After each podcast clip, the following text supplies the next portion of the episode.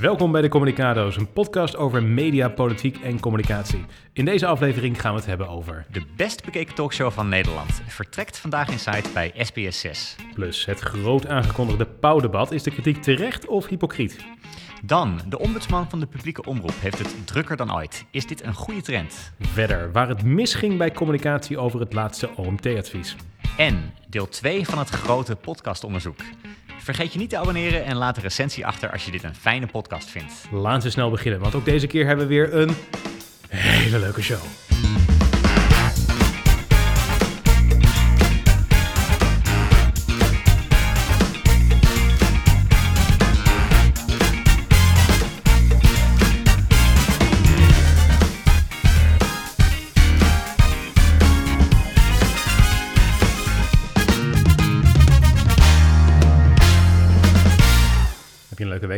Ik was ineens op tv. Je was zeker op televisie. Al wacht. Ja, het was best vreemd. Dat ik werd op een gegeven moment werd ik om half drie eh, werd ik opgebeld of ik diezelfde avond wat wilde komen zeggen over peilingen Oh, en dat de impact van ja. peilingen op, op verkiezingen. Het is vrij laat eigenlijk, half drie eh, pas. Ja. Dacht ik ook. ja. Want dat is natuurlijk vijf uur voor de start van het programma. Ik- voor, de, voor de meeste vaste gasten, eh, die, die zullen al weken van tevoren worden ingepland. Eh, maar meestal is het zo dat ze wel gasten regelen begin van de middag uiterlijk. Ja. Nou goed, ik zat uiteindelijk op die kruk. Dat is wel een beetje een gekke plek in een televisieprogramma. Want je hebt dan Ja. de hoofdgasten aan tafel zitten. En ja, ik zat een beetje op zo'n barkruk af en toe eh, ja, commentaar te leveren. Het was eigenlijk de bedoeling dat ik op één vraag een antwoord zou geven. Maar ja, ik mocht over uiteindelijk eh, drie, vier dingen mocht ik iets zeggen. Dus het was best leuk. Ja, op één vraag ook een antwoord eh, geven. Het was best kort geweest. Ja, dat is ja, exact ja. ja. Maar vol- volgens mij doen ze dat gewoon ook een beetje om met wat nieuwe gasten uit te proberen. Om te kijken of het werkt, of je bij het programma past. Waren ze tevreden na afloop? Ze zeiden van wel. Maar ik heb daar altijd dan weer twijfels over. Want ik denk Ja. dat elke gast gewoon Klopt te horen wel, ja. krijgt dat ze tevreden zijn. Ja. ja, dat is ook wel zo. Het is natuurlijk ook heel erg onbeleefd om tegen een gast te zeggen van... eh, joh, het eh, was echt ruk, eh, want dan is zo'n gast ook boos natuurlijk. En dan misschien heb je hem in de toekomst nodig en dan komt hij niet meer. Maar inderdaad, ze zijn wel altijd positief en dat zegt inderdaad niet alles. nee. Ja, ik kreeg best leuke reacties ook van anderen. Er Mhm. was eigenlijk maar één echt negatieve reactie die ik kreeg. Oké. Ja, nou, ik ben heel benieuwd van wie die gaat komen dan. Er was iemand die noemde mij een zoutzak. Ja, dat was ik. Dankjewel, Victor. Ja, ja. Kijk, jij zat op een kruk aan de bar en dat is altijd het risico. Mensen zitten erbij alsof ze in de kroeg zitten. Maar jij, je, moet, je, je moet een beetje rechtop zitten. Dat was mijn advies eh, eigenlijk. Ja, ik, ik zat dus iets naar voren, maar jij zei van Maar je had voortaan... gewoon je schouders heel erg naar voren. En dat was vooral het zoutzakding. Oké, maar volgende keer zeg jij, als ik Rugrecht. Teruggevraagd word, Ja. recht op die kruk zitten. Absoluut. Recht, rugrecht, ja. Maar dat, dat geeft ook wel iets van afstand. Nee, je moet het niet geforceerd. Nee, je moet niet geforceerd. Je moet niet zeg maar als een soort van eh, koninginnetje daarbij gaan zitten. Maar gewoon inderdaad wel je rugrecht inderdaad, ja. Oké, ik ga het proberen als ze, als ze terugvragen. Ja, precies. Heb jij, want eh, sowieso, even één vraag trouwens. Heb je nog juice achter de schermen? Want dat is ook wel interessant, hè? Eh, of ik geruchten heb gehoord over, eh Nee, over maar het da- da- programma, da- daar gaan we zo dadelijk heen. Daar gaan we zo dadelijk heen. Je hebt het programma achter de schermen meegemaakt. Zijn er nog dingen waarvan je zegt van... oeh, dat vond ik opvallend? Misschien over een bekende Nederlander. Nog even wat, wat, wat interessante dingetjes. Nee, nou, ik, heb, ik heb geen, ik heb geen eh, juice van achter de schermen. Ik, ik was eigenlijk wel ook onder de indruk van eh Helene Hendricks, hoe, hoe, hoe makkelijk zij begon. Want zij kwam Ja, pas iets van ja, één minuut ja, voor het programma, kwam zij naar beneden. En direct startte ze het programma. Dat, dat deed ze best soepel. Ja. ja, dat is geen juice, Lars. Nee. Maar goed, ik vind, nou, weet je, ergens vind ik het verstandig. Want als jij nou allerlei juice gaat delen, dan word je natuurlijk nooit meer teruggevraagd. Dus dat is heel verstandig. Eh, we zullen dit maar gewoon als verstandig ervaren. Maar inderdaad, je begon erover. Ik, ik vroeg het ook van, heb je nog andere dingen gehoord daar achter de schermen? Vandaag in Site, het, het collega-programma zou je kunnen zeggen van eh, half acht. Daar was deze week wel wat om te doen. En dat had te maken met een uitspraak van Wilfred Gené in het programma. Die zou suggereren dat misschien wel de grootste talkshow-transfer in jaren gaat plaatsvinden. Dat ze de heren van vandaag in site, dus Johan Derksen, eh, René van der Grijp, Wilfred Gené, dat die worden weggekaapt bij SBS 6. Dat zou natuurlijk een aderlating zijn voor die zender. Het heeft allemaal te maken met één hele curieuze uitspraak. Aan tafel ging het bij Vandaag in Site over Sylvie Meis en haar voorliefde voor rijke mannen. Johan Derksen zegt op een gegeven moment van... nou, ik blijf dan maar uit haar buurt. Vervolgens zegt Wilfred Gené... en dat was een beetje een terloopse opmerking... waar snel overheen werd gepraat... nou, we zijn er nog niet uit, hè? En Hmm. Daarmee lijkt hij te zeggen dat er iets van onderhandelingen gaande zijn, waardoor zij nog rijker zouden worden dan ze al zijn, dat ze in salaris omhoog gaan. En ik hoorde het ook, ik zat ook te kijken op dat moment en dacht ook van, wat bedoelt hij daar nou precies mee? Andere mensen hebben dat ook opgepikt en uh, de vraag is eigenlijk van, is er een transfer in de maak? Dat is de grote vraag. Ja, en jij hebt daar echt een uitgesproken mening over. Ja. Jij zegt, ze zouden... Gek zijn. Ja, nee, absoluut. Ze zouden echt gek zijn. Ik denk dat ze het absoluut niet gaan doen. Ik, heb er ook echt, ik ben er even ingedoken om te kijken van wat dan de opties zijn en waarom dat slechte opties eigenlijk zijn. Hm. Uh, even om te beginnen. Het contract van uh, wat ze hebben op dit moment bij Talpa, dat is afgelopen eind 2023. Dus eind 2021 hebben ze een contract voor twee jaar getekend. Dat was toen ook om dat nieuwe programma, dat dagelijkse programma te gaan presenteren. Dus dat betekent dat op zijn vroegst begin 2024 ze elders te zien kunnen zijn. Dan hebben ze een paar opties. Ze kunnen natuurlijk naar een andere zender gaan of ze kunnen bij Talpa blijven. Als je naar een andere zender gaat, dan heb je eigenlijk twee grootes maken. De NPO, en RTL. De NPO lijkt me uitgesloten, want qua salaris ga je er dan zo ver op achteruit. Dat, dat, dat ja, waarom zou je dat doen? Eh, de NPO kan ze niet zo heel veel bieden wat ze niet bij een commerciële zender kunnen krijgen. Dan kan je uh, Sylvie Meijs wel op je buik schrijven. Ja, precies. Ja, exact, exact. RTL is natuurlijk een andere optie.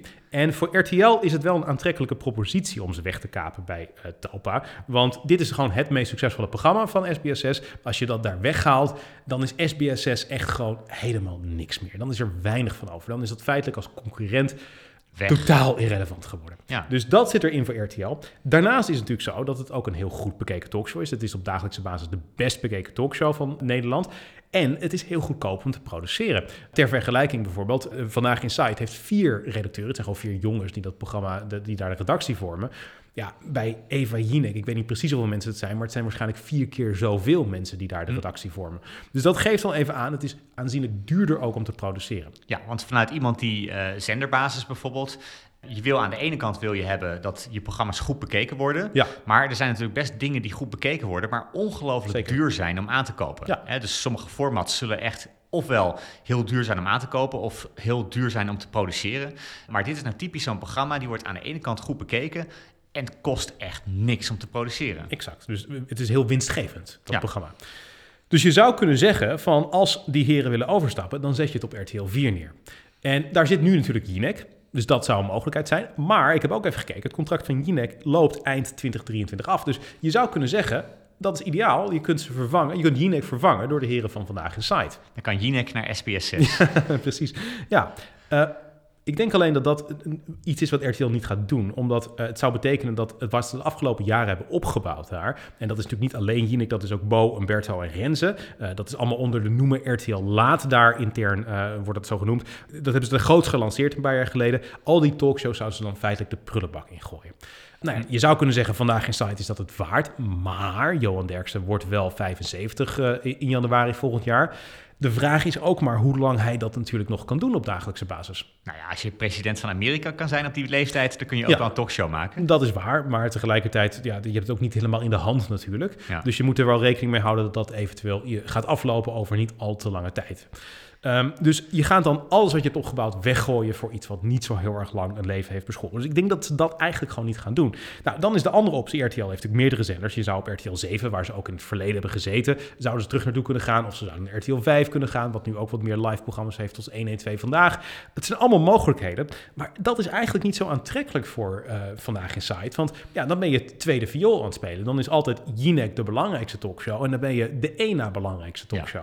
En dat is natuurlijk een andere positie dan waar ze nu zitten. Want nu zijn zij gewoon het best bekeken en belangrijkste programma voor hun zender. Ja, een beetje zoals bij een voetbalclub heb je soms echt een speler die wordt op handen gedragen door de supporters. Is misschien wel de belangrijkste speler in het team ook.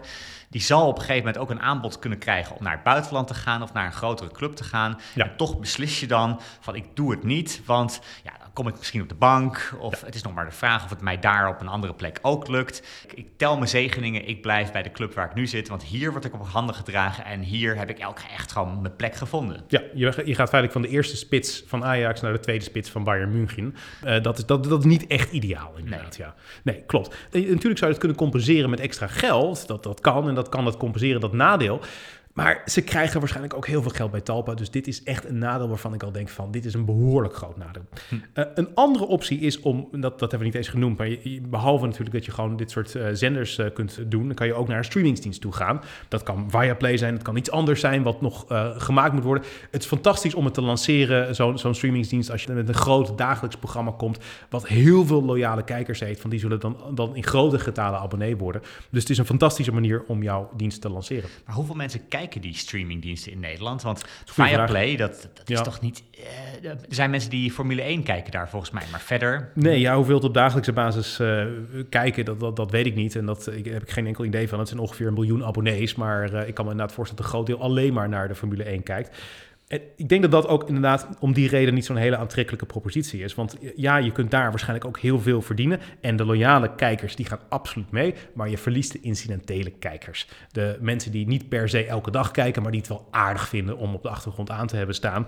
En dat betekent toch dat je een stukje van je invloed uiteindelijk uh, ja, inlevert. Dus heel veel podcasts die ook naar Podimo zijn gegaan. Het kan een goede keuze voor ze geweest zijn. Maar je hebt wel een stukje, je, hebt je publiek is wel kleiner. Je invloed is wel gedaald. Dat is natuurlijk wel een nadeel. Uh, wat nogmaals gecompenseerd kan worden door de financiën, maar het is wel een nadeel. Uh, ik denk eerlijk gezegd dat dat ook niet gaat gebeuren. En dat betekent dat er gewoon maar één optie is. Ze zijn in onderhandeling met Talpa. Dat is volgens mij wat er gaande is. Het is slim van John de Mol om nu al te kijken hoe hij ze vast kan leggen voor de komende paar jaar. Uh, je wil niet dat ze per ongeluk ineens toch naar een andere zender gaan. En hij zal ze waarschijnlijk een enorme salarisverhoging gaan geven. Maar het, ze zouden echt gek zijn als ze naar een andere zender gaan. Ik geloof daar echt helemaal niets van. Ze blijven gewoon bij Talpa te zien.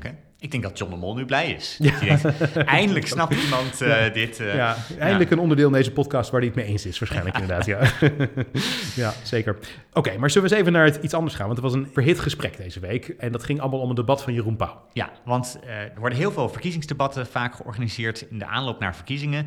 En als er iets is wat er altijd gebeurt, dan is er dat die, de opzet van die debatten wordt bekritiseerd. Dus dat is op zich is dat niet nieuw.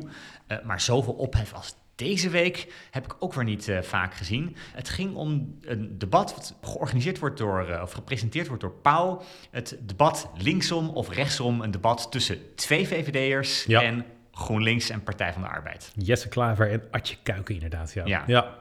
Ja, en het heet linksom of rechtsom, uh, want ze zeggen van de belangrijkste thema's zijn klimaat, economie, wonen en asiel. Moeten we linksom gaan of rechtsom gaan? Ja, en er zijn eigenlijk drie punten van kritiek op dit debat.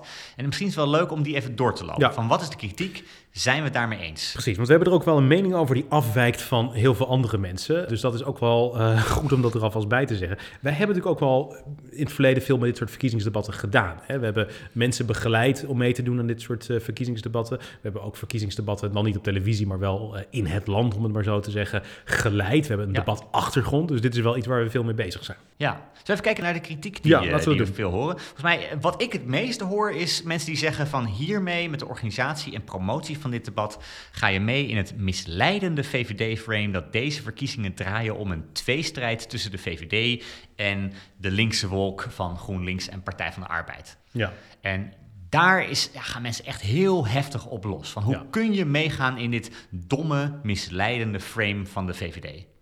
Zijn er mensen die zeggen van ja, je had ook heel veel andere partijen uit moeten nodigen en dat soort uh, dingen. Kijk, ik, ik, kan me voorstellen dat sommige mensen dit zeggen, want ze zijn natuurlijk teleurgesteld dat hun partij hier niet aan meedoet. Ze zijn bang dat het een voordeel geeft aan deze partij misschien. Maar er is gewoon een trade-off tussen de inhoud die je kunt behandelen en hoeveel mensen meedoen. Dus er zijn ook andere verkiezingsdebatten waar bijvoorbeeld acht of tien of zelfs zestien partijen aan meedoen. Heel goed dat dat er ook is, maar dat betekent dat iedereen ongeveer 30 seconden heeft om zijn punt te maken en dan moet je alweer snel door. Het voordeel van zo'n debat met een beperkt aantal aantal deelnemers. En dan moet je dus een selectie maken. Maar dat is dat je dus veel dieper op de inhoud kunt ingaan. Een paar jaar geleden, vier jaar geleden, bij, in de aanloop naar de Europese verkiezingen, had je Thierry Baudet versus Mark Rutte. Eén op één in de rode hoed, uh, ja. gewoon ook een uur lang.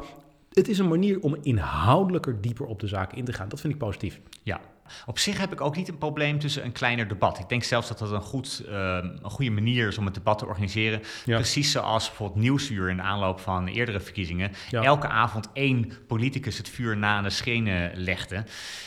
Daar is niks mis mee. Alleen nee. wat er toen gebeurde, is dat natuurlijk wel andere partijen ook een kans kregen om ja. hun verhaal neer te zetten. En ik kan me voorstellen dat je nu denkt van ja, je hebt nu twee partijen die eigenlijk, of eigenlijk drie, die buitensporig veel zendtijd krijgen. Want andere debatten worden niet tussen twee partijen georganiseerd. Hè? Dus, dus in die zin snap ik de kritiek wel.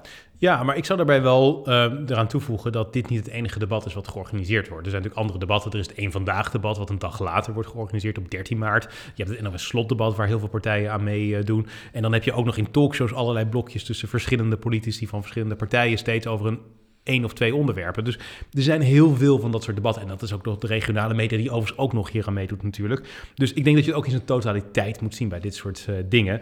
En ik ben ook daarnaast geneigd om te denken van je zit daar met Mark Rutte en, met een paar andere mensen. Ik denk dat mensen dit debat interessant vinden en dat ze gaan kijken. Misschien niet in zulke grote getalen als met uh, Baudet en, en, Rutte, want dat scoorde echt de pannen van de daken vier jaar geleden met 1,5 miljoen kijkers. Ik denk dat dit iets minder zal zijn. Maar het zal nog steeds relatief goed scoren. En dat is goed, want die verkiezingen, die provinciale statenverkiezingen, die hebben een opkomst van 50% Ik denk dat het heel belangrijk is om te zorgen dat mensen er meer mee bezig zijn. En dus dat er aandacht aan wordt besteed in de landelijke media. Ja, en de ironie is natuurlijk dat juist door al die aandacht en die ophef, dit een goed bekeken debat gaat worden. Dus voor een deel hebben al die criticasters nu ook wel echt bijgedragen aan een goed bekeken debat. Ik eh, denk dat dat inderdaad, ja, exact, ja. ja. Want toen het eerst werd aangekondigd, vond ik het inderdaad helemaal niet zo'n spannend debat. Maar nu vind ik het spannender, inderdaad. Ja, een beetje wat, uh, wat we eerder hadden met, hoe heet ze ook weer? Marian Offers? Ja, Marian Offers, die ons aanklaagde. Ja, ik vergeet ook steeds haar naam. Dat is heel gênant eigenlijk. Ja, ja wie? ja, wie ja, die vrouw die een advocaat afstuurde inderdaad.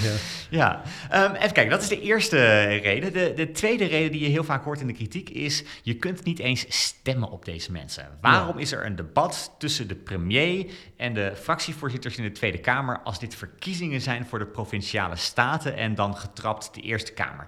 Wat doen deze mensen op dat podium? Ja. ja, ik denk dus, kijk, als je provinciale mensen daarin hebt... dan kan je daar, dat is heel lastig voor landelijke televisie. Want uh, als jij als ja, BNN-Vara zijnde uh, lijsttrekkers uit Overijssel gaat uitnodigen... dan is dat voor de andere elf provincies natuurlijk volstrekt niet interessant. Dus dat werkt gewoon niet zo goed. Dus om aandacht te besteden aan deze verkiezingen kun je alleen maar iets doen met ja, mensen die voor heel Nederland een boodschap hebben. En dat zijn dus vaker deze landelijke kopstukken. Dus ik, ik denk dat je gewoon niet zoveel andere keuze hebt. Ik denk wel dat er waarde zit in het uitnodigen van deze mensen. Want wat je wil bij verkiezingen is dat het electoraat, de kiezer, goed op de hoogte is van onderwerpen die spelen, dat ze goed een mening kunnen vormen. En dat doen we op allerlei manieren. Wij hebben gesprekken over politiek. Je hebt ook met je buurman en misschien met je, met je tante discussie over politiek. Dat zijn, alle, dat zijn ook allemaal mensen die niet op een kieslijst staan maar die wel wellicht jouw mening kunnen aanscherpen, die jouw denken daarover kunnen aanscherpen. En zo zie ik dit debat. Dit is gewoon een manier om je te helpen scherp na te denken over de onderwerpen die spelen, waardoor je makkelijker een besluit kunt nemen op wie je gaat stemmen. Ja, dus ik, ik denk dat ik het daar wel mee eens ben in die zin dat, dat ik zie ook wel dat meer mensen nu waarschijnlijk inderdaad weten dat er verkiezingen zijn en betrokken worden bij het onderwerp van de verkiezingen. Misschien alleen al door het feit dat dit nu op televisie komt. Gaan meer mensen de stemwijzer doen, gaan meer mensen andere dingen onderzoeken. Dat was waarschijnlijk niet gebeurd als alleen AT5 en andere lokale zenders lokale debatten hadden georganiseerd. Dus in die zin denk ik wel dat aandacht op de landelijke televisie kan bijdragen. Ik heb er wel een ja, meer principieel probleem mee. Mm ik denk dat een democratie alleen goed kan functioneren op het moment dat we niet alleen mensen kiezen die ons vertegenwoordigen, maar die mensen die ons vertegenwoordigen ook het gevoel hebben dat wij hen controleren en dat mhm. wij, eh, zeg na vier jaar, hen afrekenen op hoe goed ze het voor ons hebben gedaan. Ja. En het grote gevaar van ja, deze nationale aandacht voor provinciale verkiezingen vind ik dat het eigenlijk volgens mij niet meer uitmaakt hoe ze het de afgelopen vier jaar gedaan hebben in de provinciale nee, staten. Klopt, ja. Want wat je ook had gedaan, ook al was je bij geen enkel debat komen opdagen, uiteindelijk bepalen Mark Rutte en uh, ja. Kuiken en Jesse Klaver op televisie waar mensen op gaan stemmen. En ik denk dat mensen geneigd zijn om beter hun best te doen in onze democratie op het moment dat ze ook het gevoel hebben dat ze afgerekend worden op hoe ze het doen. En dat verpest je natuurlijk wel met deze landelijke aandacht. Ja, dat is denk ik ook een frustratie van veel gemeenteraadsleden... die uh, ook uh, soms heel erg hun best doen... en vervolgens worden afgerekend op allerlei landelijke dingen... waar zij geen enkele controle over hebben. Dat is inderdaad demotiverend, ja. Het, het geeft ook volgens mij aan dat de bestuurslagen zoals de provincies, en dat geldt ook veel meer nog voor de waterschappen, dat mensen daar onvoldoende een gevoel bij hebben. En of dat nou terecht of onterecht is, het voelt als irrelevant voor veel mensen. En dat is denk ik wel ook iets waar naar gekeken moet worden, waar ik de oplossing ook niet voor heb. Maar ja, je kunt je wel afvragen wat het waard is dat we daarvoor gaan stemmen als niemand het uitmaakt wat er vervolgens gebeurt. Ja, ik heb de vorige keer blanco gestemd bij de waterschappen. Ja. Omdat ik echt gewoon geen flauw idee had. A, wat ik moest stemmen. En B, waarom ik überhaupt een oordeel moest hebben over Ja. eh, wie in de waterschappen zitten. Eigenlijk pas recent, afgelopen jaar, is er meer aandacht gekomen. En weet ik bijvoorbeeld dat eh, het, het grondwaterpeil in Nederland eigenlijk kunstmatig laag wordt gehouden. Omdat de boeren daarom vragen. Terwijl allemaal huizen verzakken en andere dingen verzakken. Omdat ja, die, die, dat waterpeil zo laag is. En dan denk ik, oei, Ja. dan heeft daar misschien niet helemaal een juiste eh, afweging eh, plaatsgevonden. Dus dan denk ik, Nee. ja, misschien wel goed Je kunt dat we je ons dus wel- daar kunnen, Ja. over kunnen uitspreken. Je kunt je dus afvragen of daar een, een, een aparte bestuurslaag voor nodig is. Hè? Want eh, je zou ook kunnen zeggen van laat eh, provinciale politici dat bijvoorbeeld. Maar goed, ik bedoel, daar zijn misschien redenen voor dat dat niet zo is. Ik geloof dat eh, de waterschappen de oudste bestuurslaag zijn van Nederland of zoiets. Maar goed, ik begrijp je punt inderdaad, ja. Ja, Ja. Dus dat was het tweede punt. Het derde kritiekpunt is eigenlijk dat er zo weinig provinciale thema's centraal staan bij dit soort verkiezingsdebatten. ja. Ja, ik, ik vind dus dat, dat de kiezer bepaalt waar het over gaat. En als, het, als de provinciale thema's minder interessant vinden, dan, dan heb je daarmee te dealen. Eh, kijk, ik denk dat we af moeten van het idee dat het alleen maar gaat verkiezingen over de komende vier jaar. Ik denk dat het heel goed is dat mensen kijken naar welke partij deelt mijn wereldbeeld. En dat is iets wat helemaal niet alleen te maken heeft met de plannen voor de komende vier jaar. Dat heeft ook met veel bredere eh, ideologie te maken. En daarom denk ik van een discussie met Mark Rutte en Edith Schippers en Adje Kuiken en Jesse Klaver kan helpen om die ideologie van mensen scherp te krijgen. Ja, waarbij natuurlijk eh, het, verwarrende eigenlijk is dat je nu bijvoorbeeld ziet dat de CDA-fractievoorzitters in de provinciale staten en lijsttrekkers in de provinciale staten een brief hebben ondertekend waar ze afstand nemen van het landelijke CDA-beleid, dat weer getwitterd wordt door Wopke Hoekstra, die in het kabinet zit. Dus verwarrend is het natuurlijk wel. Ja, nee, dat is het zeker inderdaad. Ja, nee, daar ben ik het mee eens. Maar eh, het komt er eigenlijk op neer. Ik ben eigenlijk gewoon van mening dat Jeroen Pauw een goede keuze heeft gemaakt. Ik denk echt inderdaad dat het iets is wat mensen willen zien. En dat is voor mij gewoon het allerbelangrijkste criterium bij dit soort eh, dingen. Het is een helse prestatie om mensen te interesseren voor de provinciale staten. En eh, als dit debat daaraan bijdraagt, hartstikke mooi. Oké. Ja. Nou, ik weet niet of ik het met dat laatste eens ben, maar ik, ik zie ook wel de moeilijkheid. Eh, Je doet het op een gegeven moment ook echt nooit goed. Nee. Eén heel klein punt hierbij is nog wel. Wat ik wel vind, is dat je wel voldoende diversiteit moet hebben. Dus dit is één debat. Ik vind het heel belangrijk dat alle andere partijen wel een kans krijgen. En je ziet in talkshows, er is ook een, eh, een Twitter-account, Diversiteitswatch. Eh, het eh, Twitter-account is @moptrainers, wat in de gaten houdt welke partijen hoe vaak aanschuiven bij talkshows. Ja, dat zijn heel veel partijen. Bij Op1 zie je bijvoorbeeld dat de VVD, D66 en het CDA de top 3 uitmaken. Dat zijn allemaal coalitiepartijen. Ik vind het wel belangrijk dat daar balans in is. Ik zie wel dat talkshows op safe spelen. Eh, bij Jinek staat bijvoorbeeld de Partij van de Arbeid bovenaan. Wat ik echt heel gek vind, want dat is een relatief kleine partij in de Tweede Kamer tegenwoordig. Er wordt op safe gespeeld, controverse wordt vermeden. Want als er weer gedoe is, dan, dan komt de presentator weer onder vuur te liggen. Heeft die het wel goed gedaan? Dan wordt het uitnodigingenbeleid weer onder vuur genomen. Nou, je bent dagen bezig met dat allemaal te managen. En daarom zie je dat ze dat niet meer doen. Ik vind het voor de democratie belangrijk dat kleine partijen die soms wat dingen zeggen die buiten de mainstream vallen, Ja. wel die kansen krijgen. Ja, misschien is dat uiteindelijk wel het belangrijkste kritiekpunt op dit debat. Dat juist de partijen die al oververtegenwoordigd waren bij alle talkshows. Nu eh, anderhalf uur zendtijd krijgen drie dagen voor de verkiezingen. Misschien is dat het werkelijke issue. Maar dat zou voor mij gecompenseerd kunnen worden als we gewoon vanaf nu eh ja 21 eh, bij uh, Jinek eh, gaan uitnodigen en eh, bij eh, eh, Op 1 gaan uitnodigen. En ook wat mij betreft uh, Wieberen van Hagen, want die doet volgens mij ook mee aan uh, Provinciaal. En al die partijen wat mij betreft ook bij Partij één. voor de Dieren. Ja, alle partijen die meedoen mogen wat mij betreft. Ik vind het belangrijk om al die geluiden ook van die kleinere te horen inderdaad. Ja, ja, Ja, zeker. Lokale partijen, die horen we ook niet nu. Nee, ja, dat is natuurlijk moeilijker in landelijke media. Maar als dat speelt op een bepaald dossier, dan is dat misschien logisch inderdaad. Ja, ja zeker. Maar goed, dat is dus dat. Ja, iets anders wat ons opviel is dat uh, op dit moment, als er een persoon is in Nederland die het heel erg druk heeft, ja. dan is het de ombudsman van de NPO. Ja, dat is ja. één iemand volgens mij. Ja, klopt ja. En Margot Smit. Die krijgt echt elke dag krijgt ze een nieuwe brief uh, die dan groot wordt uitgemeten in de media. Ook. Ja, we signaleren hier eigenlijk een nieuwe trend. Want uh, ja, vroeger was het zo dat mensen als ze kritiek hadden op journalistieke producties, dan, ja, dan, dan, gingen ze daar misschien over twitteren. Oh, dat doen ze nog steeds trouwens, maar dan schrijven ze er ook een brief over naar de krant. Maar tegenwoordig zie je dat iedereen naar naar de ombudsman stapt. Dat is een ding geworden. Alleen deze week al was de ombudsman drie keer in het nieuws. De eerste keer dat ze in het nieuws waren was met de uitspraak over eh, de zaak Natasha Gibbs, die Israël een apartheidstaat had genoemd. Dat hebben wij ook hier besproken destijds Ja. in de podcast. De ombudsman is het ook eens met wat wij hier zeiden, dat, het een, eh, ja, dat ze die bronnen wel had moeten citeren. Het levert een deuk op in de geloofwaardigheid van op één, eh, zei de ombudsman. Nou, dat is de eerste keer het nieuws. De tweede keer toen Pieter Omtzigt een klacht indient bij de ombudsman over het, over, over, over het debat van Jeroen Pauw, wat we net hebben besproken. En de derde keer was dat Forum voor Democratie een klacht indient over de kritiek die Arjen Lubach had op die partij in zijn uitzending. Dus iedereen stapt naar de ombudsman. Ja, dit is een trend. Is het een goede trend, kun je afvragen.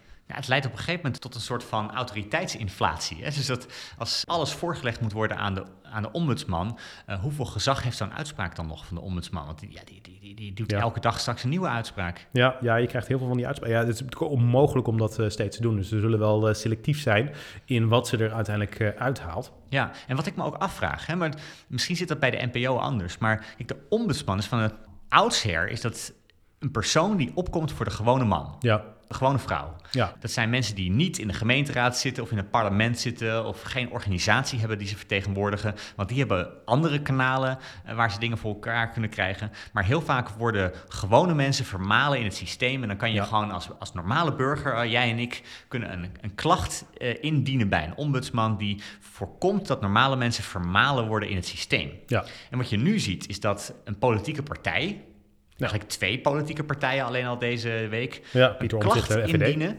bij een ombudsman. En dan denk ik, hé, hey, maar daar is de ombudsman eigenlijk niet voor bedoeld. Nee, dat deel ik wel, die analyse inderdaad. Ja, ik denk dat dat inderdaad niet is waar het systeem bedoeld eh, voor is. En ik bedoel, wij hebben beide ook de brief eh, gelezen die eh, Forum voor Democratie heeft geschreven aan de ombudsman. Ik moet zeggen, het snijdt meer hout dan ik van tevoren had gedacht. Er zijn wel wat feitelijke onjuistheden, zoals het er nu uitziet, die Arjen Lubach heeft gemaakt in zijn uitzending over Forum voor Democratie.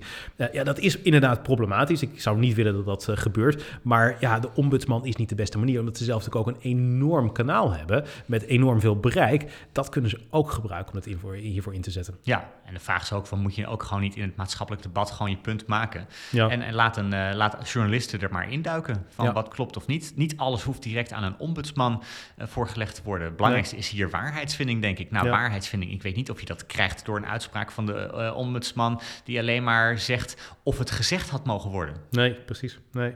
nee, ze denken het geeft legitimiteit inderdaad als een uitspraak of als een klacht bevestigd wordt. Maar eh, ja, nee, ja, goed, ik eh, deel jouw punt inderdaad. Het is, eh, het is een trend in ieder geval. Dat is wel interessant om te Wist je dat ik ook een keer naar de ombudsman ben gestapt? Is dat zo, ja? Ja, Ja? Ik, ik had De ombudsman van de NPO heb je het over? Yes, yes. Ik heb hier een eh, mail erbij gepakt. Eh, beste Margot. Oké. Die is van 8 februari 2020. Oké. Dus dat is eigenlijk eh, net... Net voor corona Net voor corona heb ik die eh, verstuurd. Even kijken, wat, ja, wat, wat staat hier ook alweer in? Ja, de NOS die had in het 8 uur journaal had die een item naar buiten gebracht... dat volgens Brussel alle katten voortaan aangelijnd moeten worden. Oh, dat... Dat, dat je, dat je niet meer een kat buiten mag laten lopen. En Ja. dat bleek totale bullshit te zijn. En ja, dus heb jij was het niet eens met die conclusie en ik heb zeven pogingen gedaan Mhm. om dat voor te leggen aan de NOS. En zeven keer heb ik geen reactie gekregen. Dus ik heb het hier echt opgesomd. Ja. Ik over een periode van twee maanden heb ik zeven pogingen gedaan met mails, met reminders en zo. En op een gegeven moment dacht ik van ja, als de NOS niet reageert, dan leg ik het wel voor aan, eh, aan de ombudsman. Ja. Nou, die stuurde het door naar Marcel Gelauf, de, de hoofdredacteur destijds? En binnen een dag een hele uitgebreide mail. Ja, ja. Ja. Oké. Dus ja. in die zin, eh, eh, ja, ze, ze zorgt in ieder geval wel dat mensen die, eh, waar normaal gesproken niet naar geluisterd wordt door de NOS, dat die ja, stop Ja. tussen de deur krijgen. Het is wel interessant inderdaad, want ik denk dat dat inderdaad ook, als ik het de procedures te bekijken op de website, dat is meestal wat gebeurt. De klacht wordt doorgestuurd naar het betreffende programma en die kunnen erop reageren. En pas inderdaad als dat dan niet gebeurt en er is, er is een achter goede, goede reden om te klagen, dan pas neemt de ombudsman het eh, op inderdaad. Ja. Ja. Oké. Zullen we kijken naar eh, de tune van Ja. de week? Want elke week kiest Victor een legendarische tv-tune uit zijn collectie die volgens het Guinness Book of World Records maar liefst 78 dagen aan muziek bevat. Dat is echt 2,5 maand, Victor. ja, dat is veel hè? 2,5 maand. Eh, Victor, welke tune heb je deze week meegenomen? Nou, ik wil je wat laten zien over wat alle Talpa-programma's gemeen hebben qua tune? Want John de Mol heeft bepaalde dingen waar hij gek op is. En dat zie je in al zijn programma's terugkomen. Uh, dat zie je ook op andere dingen terugkomen, op andere eh, fronten terugkomen. Uh, heel veel Talpa-programma's hebben een geldprijs die ze bijvoorbeeld uitreiken. Zelfs in het datingprogramma zoals Liedje op het eerste gezicht krijg je een geldprijs als je wint. het hot seats principe zie je ook in heel veel programma's terugkomen. Maar een ander element wat je in heel veel programma's van Talpa terug ziet komen is de gezongen programmatitel. En dat zie je bijvoorbeeld terugkomen in de tune van Avastars, een programma wat wij vorige week hebben besproken. Een klein stukje van de tune, gezongen door Davina Michel, klinkt zo.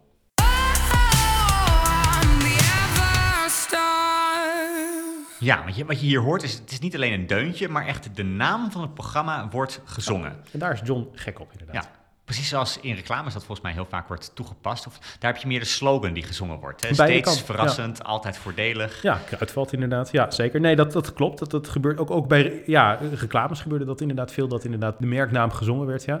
Ja, het was heel erg in de mode uh, in de jaren negentig. Maar het, grappige is dat het op een gegeven moment een beetje als goedkoop werd gezien. Dus toen werd het op heel veel plaatsen juist uitgefaseerd. Maar de laatste tien jaar heeft John dat in zijn eentje echt helemaal teruggebracht. Bijna elke productie van Talpa heeft zo'n gezongen programmatitel. Kennelijk is het iets wat hij heel belangrijk vindt. Hm, Oké, en dat gebeurt dus echt overal. Heb, kun je er een paar andere voorbeelden van laten horen? Ja, ik heb een uh, compilatie gemaakt om je gewoon eens even mee te nemen bij alle Talpa-tunes waar dit in te horen is. Daar komt hij.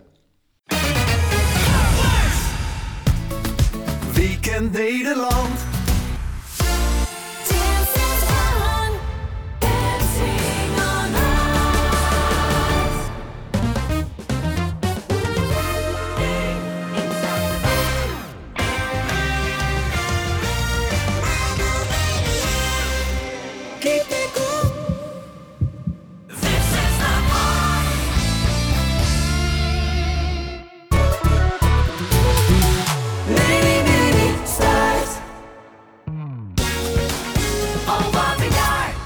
De beste, grootste, leukste.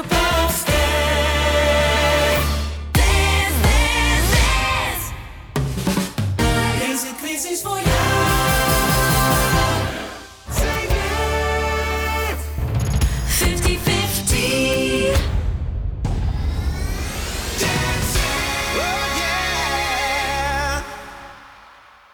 Weet je, dat is een behoorlijke compilatie. Je hoort ook wel de parallellen echt tussen deze programma's. Maar je weet dus eigenlijk dat als je de televisie aan hebt staan ergens in de huiskamer... en je hoort de naam van een programma dat wordt uitgesproken of gezongen... dan is de kans 90% of groter dat dat een programma is van John de Mol. Ja, ja, vaak wel. Ja, andere programma's doen het ook wel eens natuurlijk. Maar uh, ja, het is wel iets waar je echt heel erg van houdt. En het idee erachter is dat zo'n gezongen programmatitel... Uh, dat is een soort van audiologo eigenlijk. Hè? Het blijft je bij. En een logo is goed, want dat, dat gaan mensen mee of mee zingen zelfs. En dan denken ze over het programma terwijl ze met hele andere dingen bezig zijn. Als ze in de douche staan of in de auto zitten in de file staan. Dat wil je natuurlijk als programma maken, dat mensen constant aan je programma denken. Oké. Nou, ik, eh, ik luister anders naar tv-tunes vanaf dit moment. Victor, je hebt nou, weer wat leuks eh, meegenomen. Ja, zeker. Nou, dat is mooi. Zullen we dan uh, naar iets heel anders uh, gaan? Want ik dacht dat het voorbij was en dat bleek ook het geval te zijn. Deze week werd bekend dat de pandemie rondom corona eigenlijk voorbij is. Het is nu endemisch.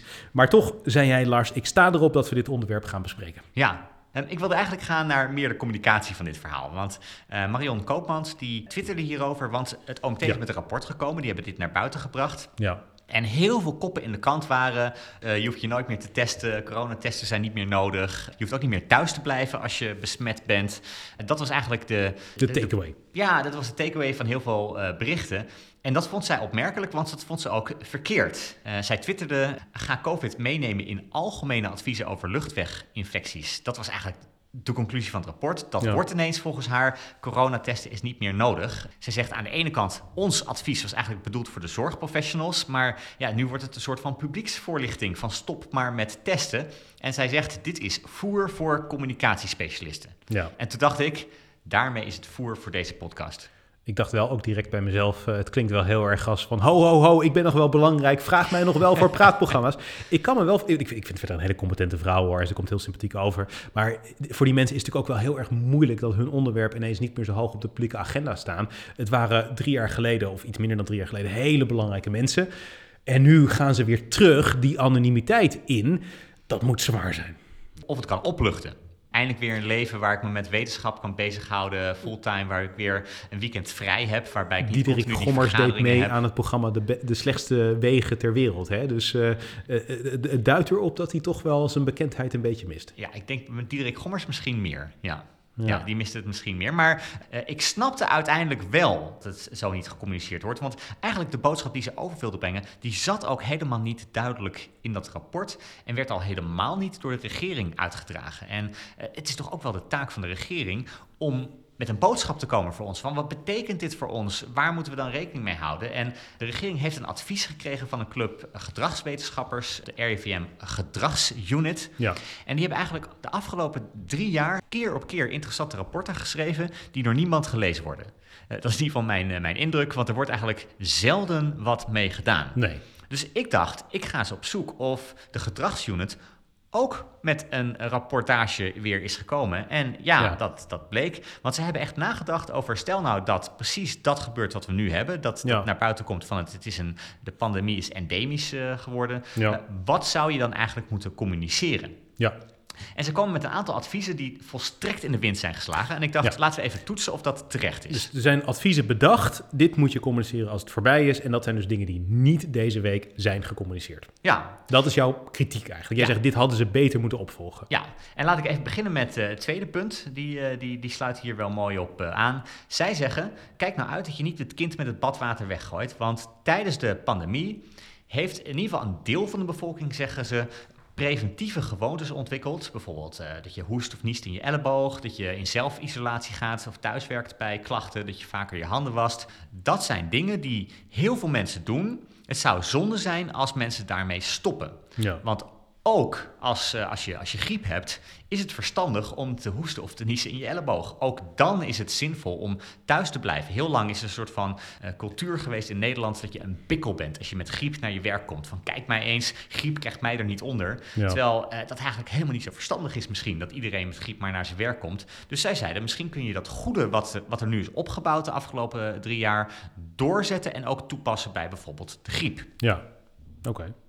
Ja, ook- oké. Daarvan denk ik, ja, dat is eigenlijk wel een goed idee als, als we dat eh, doen. Ehm, eh, in een slecht griepjaar gaan er 9000 mensen dood aan de griep. Maar wat zou je dan willen doen? Dus, Wat had jij anders willen zien afgelopen week? Hoeveel, ja, dat je dat naar buiten brengt. Dat je zegt van, het goede nieuws is dat eh, COVID, in ieder geval met de huidige varianten, dat het endemisch is geworden. Ja. Laten we de lessen uit deze eh, periode van corona gebruiken om te zorgen dat we ook andere virussen beter te lijf kunnen gaan. En kunnen voorkomen bijvoorbeeld dat in een slecht jaar 9000 mensen overlijden aan de griep. Maarten Keulemans, de Volkskrant-journalist die ook heel veel over corona heeft geschreven, die reageerde ook op de tweet van eh Marion Koopmans. En die zei ook van ja, eh, het is allemaal waar eh, wat je zegt, maar het punt is wel dat voor de gewone man of de gewone vrouw, wat er opgeschreven is in de media, dat klopt. Het is in principe voorbij. Het is geen bijzonder gevaar meer. Neem niet weg dat voor sommige kwetsbare groepen, net zoals de griep, corona, ook echt nog steeds een ding is, maar het is geen bijzonder gevaar. Ik, ik voel een hele sterke weerstand. Ik ben het daar met Maarten Keulemans eens. Ik, ik voel een weerstand tegen het heel erg de focus nog blijven leggen op dit soort coronamaatregelen. En ik betwijfel niet dat er een bepaald nut aan zit. Dat geloof ik wel. Je zou misschien inderdaad het aantal mensen wat doodgaat aan corona eh, kunnen terugbrengen. En dat klinkt fantastisch. Maar je moet ook nadenken over de opportunity cost. Hè? Als je daarover gaat communiceren, dan ga je automatisch niet communiceren over iets anders. Eh, de aandacht van de massa, dat is de ultieme zero-sum game. Als je wil dat mensen over dit nadenkt, dan zijn ze niet aan het nadenken over dat. Dus je moet daar hele scherpe keuzes in maken. En de afgelopen jaren zijn die keuzes begrijpelijkerwijs in het voordeel van corona gevallen. We hebben er heel veel aandacht aan besteed. Ik denk dat het goed is om nu terug te gaan naar een situatie dat we gaan kijken van wat gaat onze collectieve gezondheid nou echt verbeteren. En dat is niet de coronamaatregelen een heel klein beetje nog aanhouden en dergelijke. En om onze eh, elleboog eh, eh, hoesten en niezen en weet ik veel wat. Maar de dingen die mensen echt helpen om gezonder te zijn, dat zijn meer bewegen. De cardiovasculaire fitheid van de meeste mensen zou omhoog moeten. Minder suiker en vet eten, dat is nummer twee. Nummer drie is minder alcohol drinken. En nummer vier is stoppen met roken. Volgens mij zou de communicatie terug moeten naar die dingen die voor een deel ook verwaarloosd zijn de afgelopen Hm. jaren. En dat betekent dat je daar heel radicaal in moet zijn. Ja, er zijn allerlei dingen die je kan doen met corona. Maar jongens, we moeten nou weer echt even teruggaan naar dingen die echt de collectieve gezondheid echt gaan verbeteren. Ik weet niet of ik het daarmee eens ben. Ik denk best dat je beide kan doen. Je hebt ook zo'n campagne, je bent een runt als je met vuurwerk stunt. Uiteindelijk zijn er niet zo heel veel mensen die met vuurwerk stunten. En je zou ook kunnen zeggen van stop met die campagne je bent, en zeg je bent een runt als je de hele dag suiker eet. En toch denk ik dat je best als overheid meerdere boodschappen naar buiten kunt gooien. Dus ik weet niet of, of dat echt, of het een betekent dat je, dat je totaal geen aandacht meer kunt hebben voor het andere. Ja, ik geloof gewoon niet in het idee. Dat bedoelde jij waarschijnlijk ook niet natuurlijk. De, de homo economicus, de man die volledig rationeel is en die over alles nadenkt. Uh, ik, ik denk dat je heel erg snel tegen uh, allerlei uh, beperkingen aanloopt van hoeveel informatie mensen in hun hoofd kunnen houden.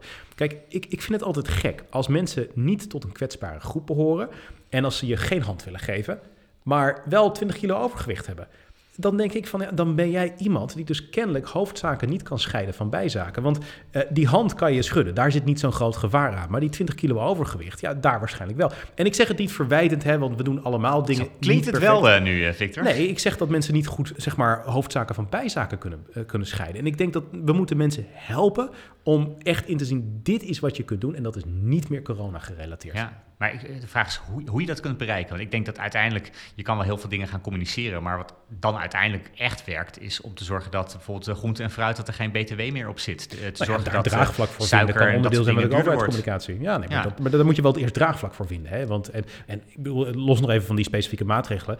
Ik denk dat het niet alleen overheidsmaatregelen zijn die je daar moet nemen. Dat kan, dat zal een onderdeel daarvan zijn, daar geloof ik wel in. Maar dat zal niet alles zijn. Het is ook een stukje wat je natuurlijk zelf in de hand hebt. Hè? Want hoe goedkoop en duur fruit ook is, als mensen denken van ja, dit, dit, dit hoef ik niet, dan, dan ook als het goedkoop is, nemen ze het niet tot zich. Ja, maar we kunnen die hele discussie eh, misschien eh, op, op het moment nog wel voeren. Want ik denk dat je, kijk, voor jou is het gemakkelijker om gezond te leven dan voor iemand die elke dag eh, zich druk maakt of hij, of hij genoeg geld heeft om eten te kunnen kopen. Ja, ik betwist echt dat in Nederland je heel veel geld nodig hebt om gezond te eten. Ik heb deze discussie veel met mensen gevoerd. Een kilo broccoli bij de Albert Heijn is 1,50 mensen. Dat is heel goed te betalen. Je, je komt er gewoon rijst bij kopen in een, een groot pak van een kilo. Dat kost je ook maar iets van 1,50 euro.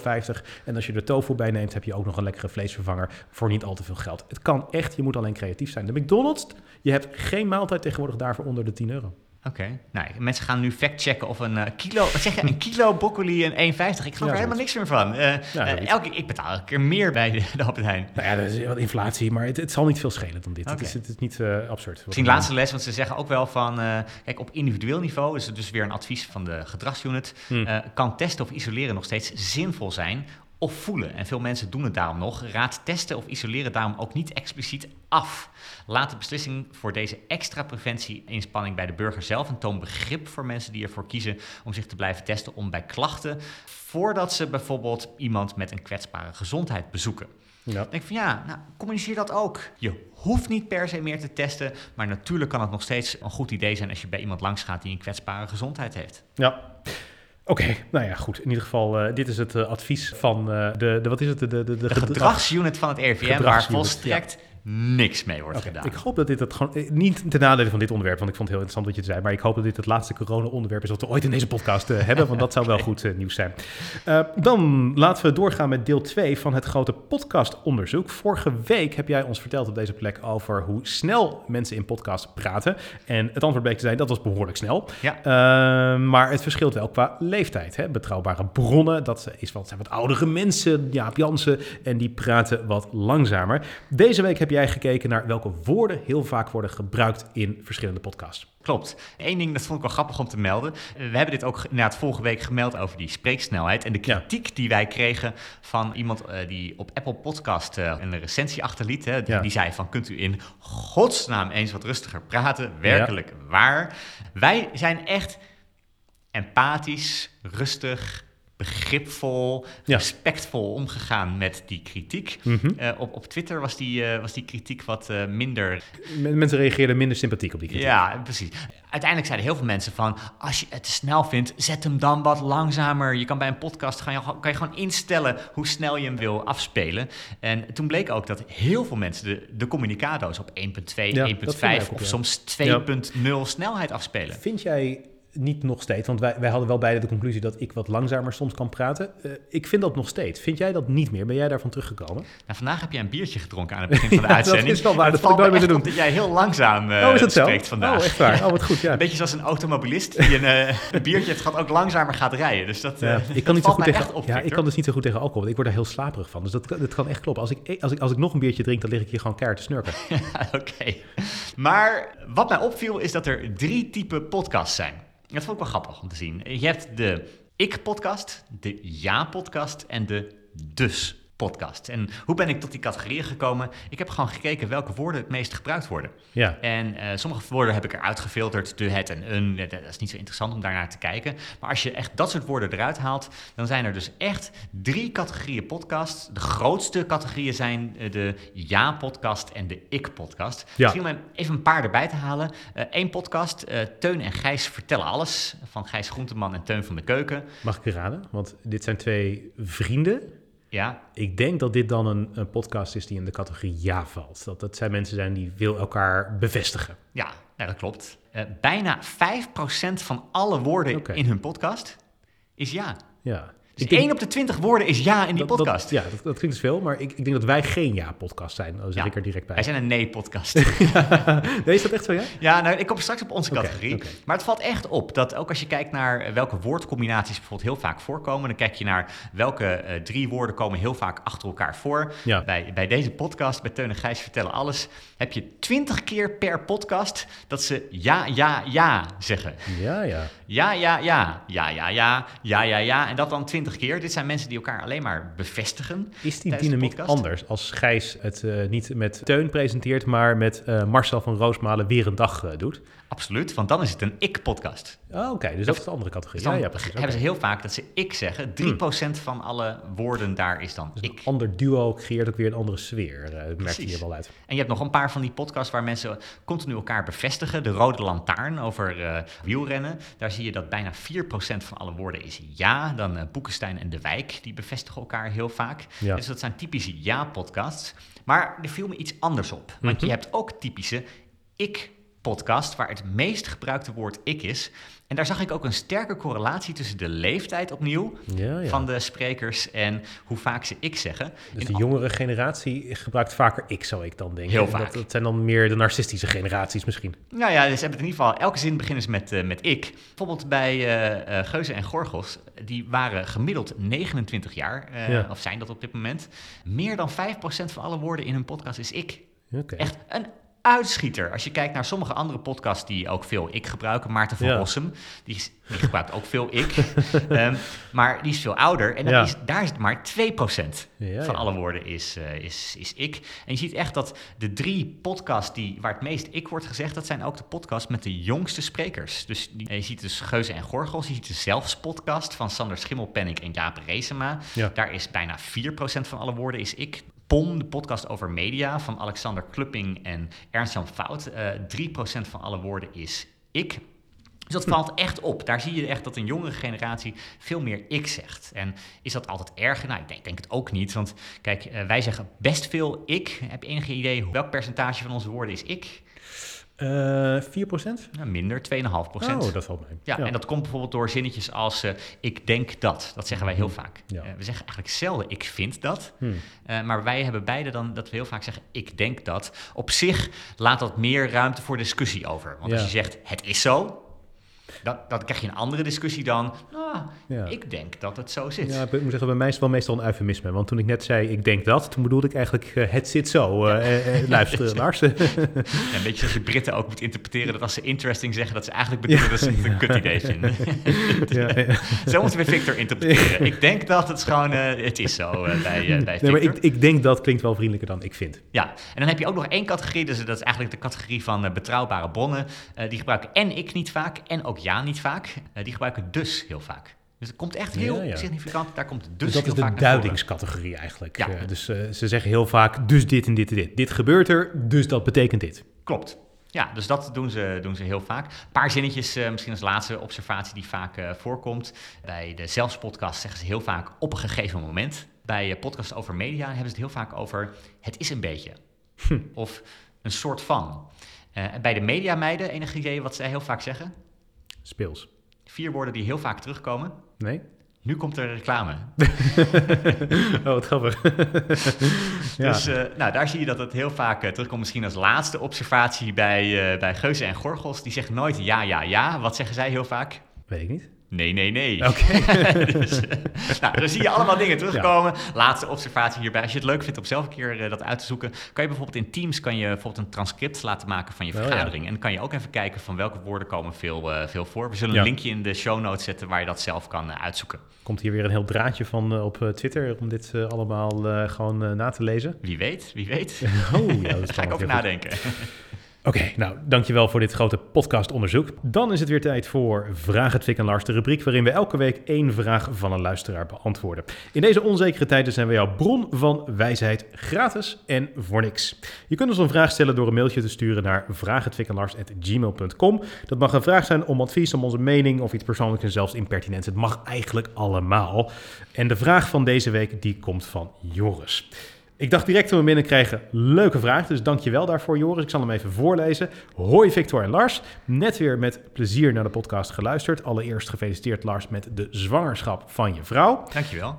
Hier volgt mijn vraag. De laatste tijd krijgt het onderwerp mannelijkheid slash masculiniteit en de rol hiervan in de maatschappij steeds meer aandacht. Hoe mannelijk zijn jullie zelf en wat houdt dat precies in voor jullie? Ik ben benieuwd met vriendelijke groet, Joris. Ik moest wel lachen toen we de vraag kregen. Want de eerste gedachte die ik inderdaad had toen deze vraag kwam is... Victor vindt dit een leuke vraag. Ja, ik vind het een leuke vraag. Ja, ik vind het zeker een leuke vraag. Maar ik, ik vind het ook een goede vraag om te stellen. Ja, het, het is een vraag naar introspectie. Wat maakt jou een man, Lars? Dit is een per- persoonlijke vraag. Dat we zeggen tegen mensen dat ze ons persoonlijke vragen mogen stellen. Dit is er één. Vind jij jezelf een echte man? Laten we misschien eens even met die stap beginnen. Nee, ik denk wel dat ik een echte man ben. Volgens mij Dat is zeg de, de werkelijke vraag is of ik mannelijk ben. Interessant dat jij zo met zoveel, ehm, al, al direct zo met heel veel kracht zegt... ja, ik ben een echte man. Dat is dus kennelijk ergens wel belangrijk voor je. Je vindt het wel belangrijk dat je dat uitstraalt. Ja, dat maak jij ervan. Maar de grap is, we hadden het hier van tevoren over.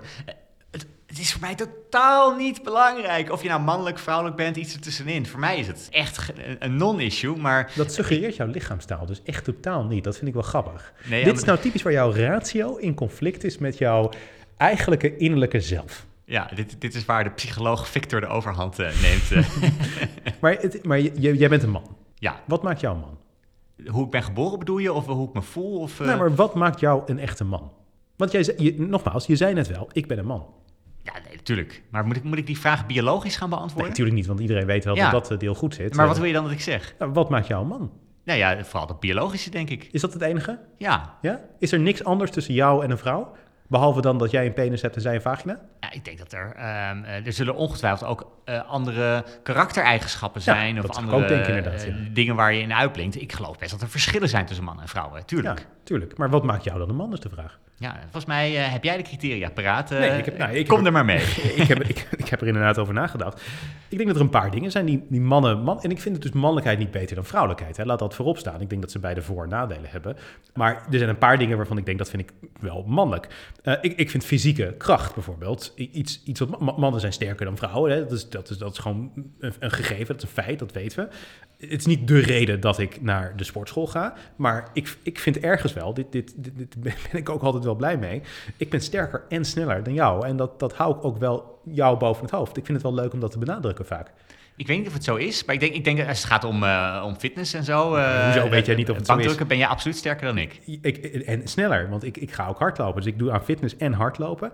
En op beide van die dingen. En het grappig hoe je nu ook reageert, want zo reageer je altijd. En dat is ook de reden waarom ik het leuk vind. Want ik ben ook competitief en dat ben jij ook. Jij vindt het vervelend dat ik dat steeds... Ja, en, en, en van die frustratie, dat ervaar ik als... Ik ben jou aan het overwi- ik ben, ik ben mijn overwinning aan het claimen op jou. Ik ben sterker en sneller dan jou. Victor, ik geef dit dat. Ik, ik ben blij dat jij trots bent dat er eindelijk iets Nee, is. nee, nee, nee, nee, nee, wat, nee, wat, wat jou nee, nee, beter nee. maakt dan, eh, dan mij. dat gun ik jou. Ik, Laatst belde jij mij op. Je was helemaal buiten adem. Je, Victor, moet je nu eens horen. Mijn zoon is 15 kilo en ik til hem op. Dat geeft aan dat ik hele grote biceps hoor. Dat, zo zei je dat. Het was echt heel defensief. En ik heb dat toen gebeurde- gezegd, Lars, als jij dat hebt, dat is heel erg leuk Absoluut voor jou. niet. Absoluut niet. Nee, ik maakte een grapje tegen jou. Oh, het was een grapje. Ja, ik zei, eh, eh, wat, wat het, ik weet niet waarom we, het, waarom het over het onderwerp hadden, maar toen zei ik tegen jou van, weet je wat je zou moeten doen in plaats van dat je naar de, naar de sportschool gaat? Je, je zou een kind moeten hebben van 15 kilo. Want als je die elke dag optilt, dan ben je elke dag ben je bezig met, met, met je spieren sterker maken. Ik wil niet opscheppen, maar 15 kilo is niks voor mijn biceps, dames en heren. Dus dat is eh, echt iets waar ik het niet voor doe. Maar goed, dat is één ding. Assertiviteit is het tweede. Jij bent assertief. Ja, Jij bent niet een muurbloempje. Als, als, jou, als, als, als iemand jou onrecht aandoet, dan, dan treed jij op. maar vrouwen zijn ook geen muurbloempjes. Nee, klopt. Maar mannen zijn wel assertiever dan vrouwen vaak. Eh, het zou kunnen. Ja, En ik weet, ik vorige weet week vertelde je, zijn. Ja. vorige week vertelde je het verhaal dat eh, jij in een hotel zat op vakantie en er werd wat eh, niet goed gedaan. Toen heb jij een behoorlijk assertief eh, appje gestuurd. ja, maar ik bedoel, Milena kan ook assertief zijn, maar op andere gebieden. Ja, Ja. dat geloof ik. Dat geloof ik. Zelfredzaamheid is ook mannelijk. Mannen vinden het belangrijk om onafhankelijk te zijn. En daarmee is een nadeel ook direct dat ze het moeilijk vinden om om hulp te vragen. Dat vind ik zelf ook moeilijk. Ik ben niet goed in het vragen om hulp. Ja, nou, ik, ik heb een bepaald gevoel van trots. Ik weet nog goed, ik heb een keer mijn arm gebroken toen ik op de middelbare school zat. Mhm. En als je een arm hebt in het gips, dan is het heel lastig om je veters te strikken. Ja, Want ik kon eigenlijk helemaal niks met die arm. Nee. En ik vond het, het was mijn eer te na om eh, mijn ouders steeds te vragen om mijn schoenen te strikken. nou, goed voorbeeld. Dus ik heb mezelf toen aangeleerd om met één hand mijn veters te strikken. ja.